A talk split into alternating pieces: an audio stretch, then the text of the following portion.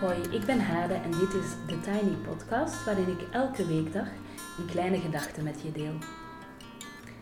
Dit is mijn kleine gedachte van woensdag 1 april 2020 en het gaat over introvert zijn en ook eigenlijk over vrouwencirkels. De tijd van de introverten. Elke middag neem ik deel aan een vrouwencirkel die Tamara van She Company organiseert. Met een groepje van een tiental vrouwen loggen we elke dag in op Zoom. Er is een vaste kern van vrouwen en een aantal vrouwen die komen en gaan. En je hoeft niet te komen, het mag. Voor mij is 12 uur echt een moeilijk tijdstip. Dat betekent dat de dochters op tijd in bed moeten voor hun middagdutje, waardoor er rust in huis is en ik met één oog huiswerkbegeleiding moet doen en dus met de rest van mijn aandacht in het gesprek zijn. En toch probeer ik aan te sluiten elke keer, omdat ik daarna opgeladen ben. Ik heb laatst zelfs een keer de privacy opgezocht in de badkamer om het gesprek te kunnen meedoen. Ik ga kort heel even proberen vertellen wat een vrouwencirkel is en daarvoor bedien ik me simpelweg van Google die me op de website brengt die Let's Make Circles heet. En ik citeer. Steeds meer vrouwen missen een plek waar ze gewoon zichzelf kunnen zijn en die stoere maskers eens kunnen afzetten. Een vrouwencirkel wil een kleine groep vrouwen van diverse leeftijden en achtergronden bij elkaar brengen om tot een diepgaande uitwisseling te komen, omtrent ons vrouwenleven en zo een gezamenlijk groeiproces mee te maken. Dit alles in een sfeer van vertrouwen en echte aandacht. Nog meer van de website Let's Make Circles. We missen een plek om onder vrouwen te zijn. Een plek waar we man, kinderen, hond, ouders en werk een paar uur opzij kunnen schuiven en onszelf, voor de verandering, eens op de voorgrond mogen zetten. Een plek waar we onze ervaringen en gevoelens, onze vragen en twijfels, maar ook onze wijsheid en talenten, onze passies, inzichten en ideeën mogen delen. Een plek waar we kunnen uitwisselen en waar de grote en kleine wereld waarin we leven, waarin we de grote en kleine wereld waarin we leven kunnen invoelen, evalueren, relativeren en verbeteren. Een cirkel is zo'n plek en we noemen het een cirkel omdat we geen zin hebben om in rijen te gaan zitten en één van ons vooraan te zetten. Liever zitten we rond de haard of een salontafel en een doos Leonidas, zodat we echt contact kunnen hebben met elkaar. Een cirkel heeft de rustgevende eigenschap dat er geen top en down is, maar dat iedereen gelijkwaardig deelneemt aan het gegeven. Er is meestal één vrouw die het initiatief neemt om samen te komen, haar huis openstelt of een thema voorbereidt, maar daarom heeft zij nog niet de wijsheid in pacht. Elke vrouw heeft haar krachten, haar weten, haar ervaringen en haar bevlogenheid in te brengen. Einde citaat. Um, ik ga denk ik kort ook met mijn eigen woorden zeggen wat er voor mij zo bijzonder is aan een cirkel. Namelijk, uh, er is inderdaad geen hiërarchie. Um, en wat ik heel mooi vind, is dat iedereen iets kan delen. Uh, dat er echte aandacht is, er wordt echt geluisterd, maar uh, je hoeft niet op elkaar te reageren. En het is zelfs niet echt de bedoeling dat je dat doet om te vermijden dat je eigenlijk in een soort van gesprek terechtkomt van oh dat heb ik ook en ik heb nog een tip voor jou en waarom doe je dit niet of waarom zet je die man niet buiten of whatever. Uh, je gaat eigenlijk gewoon echt luisteren en wat er gezegd wordt mag er zijn en krijgt aandacht, maar dat hoeft niet meteen aangepakt of opgelost te worden. De cirkel dus. Elke weekdag tijdens coronatijd om 12 uur. Ik merk dat mijn bewustzijn er enorm door aangescherpt wordt. Door elke dag te luisteren naar anderen en zelf ook iets te delen, heb ik voor het eerst over een langere tijd voeling met vrouwen en hun processen. En meer dan ooit met mijn eigen proces, want daar moet ik dus elke dag naar kijken en iets over zeggen, wat ik graag wil delen. En dan merk ik dat ik de ene dag echt een soort banale ergernis wil delen.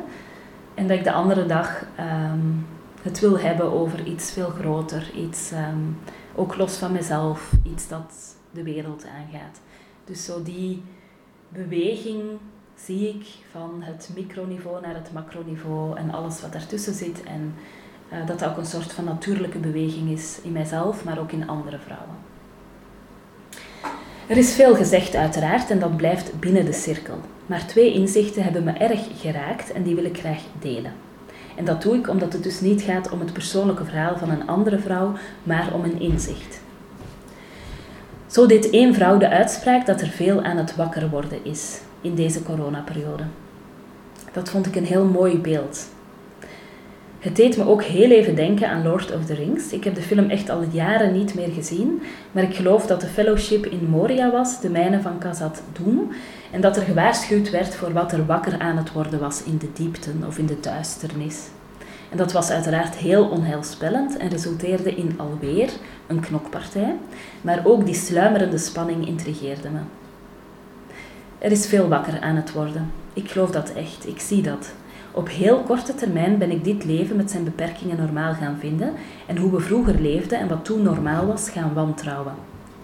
Als ze morgen zeggen dat het weer voorbij is en we weer terug naar het gewone leven mogen, dan ga ik geen gat in de lucht springen. Oké, ik wil best naar de film en uit eten, maar ik wil ook mijn kinderen meer dan drie uur per dag zien, elke dag uren buiten doorbrengen, zoals we nu doen, en tijd blijven hebben om vers te koken. Vroeger haalden we heel vaak dingen af omdat we gewoon druk waren met alles. Werk, school, haasten enzovoort. Willen we echt terug naar hoe het was? Wil jij zelf terug? Ik ben heel benieuwd eigenlijk of jullie terug willen. Um, de tweede en de laatste uitspraak die ik wil delen uit de cirkels is dat dit de tijd van de introverte is, omdat ons sociaal gedrag, dus het sociaal gedrag van introverte mensen, eindelijk de norm is. Op dit moment is je terugtrekken niet met iedereen een praatje beginnen en afstand houden sociaal wenselijk. Meer nog, er hoeft niet vergaderd te worden, behalve online. Er zijn geen events, grote bijeenkomsten, de drukte in de straten is weg en de wereld is wat stiller geworden. En eerlijk, ik leef op. Want ik ben behoorlijk introvert. Plots heb ik eenzame ochtenden cadeau gekregen, dagen zonder telefoontjes en meetings, geen kans dat er bezoek komt enzovoort.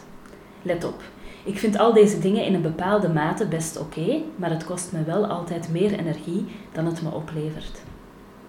Het extraverte was toch steeds de norm in de wereld, of toch in de wereld waarin ik me bewoog. En nu is dat dus veranderd. Komen er geen mensen in mijn fysieke ruimte wegens de social distancing, is er overal minder drukte enzovoort. Ik merk wat het met me doet.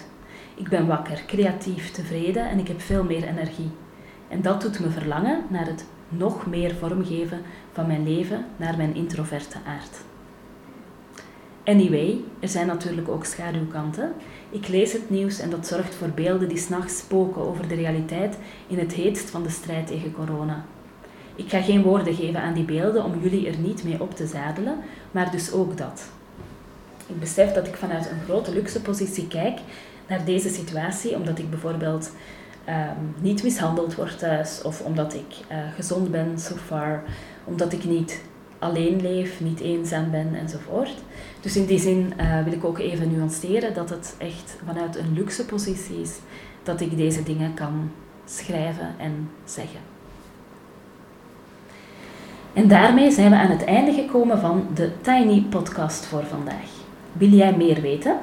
Kijk dan even op thetinyoffice.com of op theartistwayonline.com. Daar vind je ook mijn contactgegevens, want uiteraard zijn jullie vragen en ideeën welkom. Ik ben ook erg benieuwd naar jullie reacties. Het is leuk als je me gaat volgen op Instagram, TheTinyPodcast, en je helpt me als je een review achterlaat of deze podcast deelt met anderen. Fijne dag!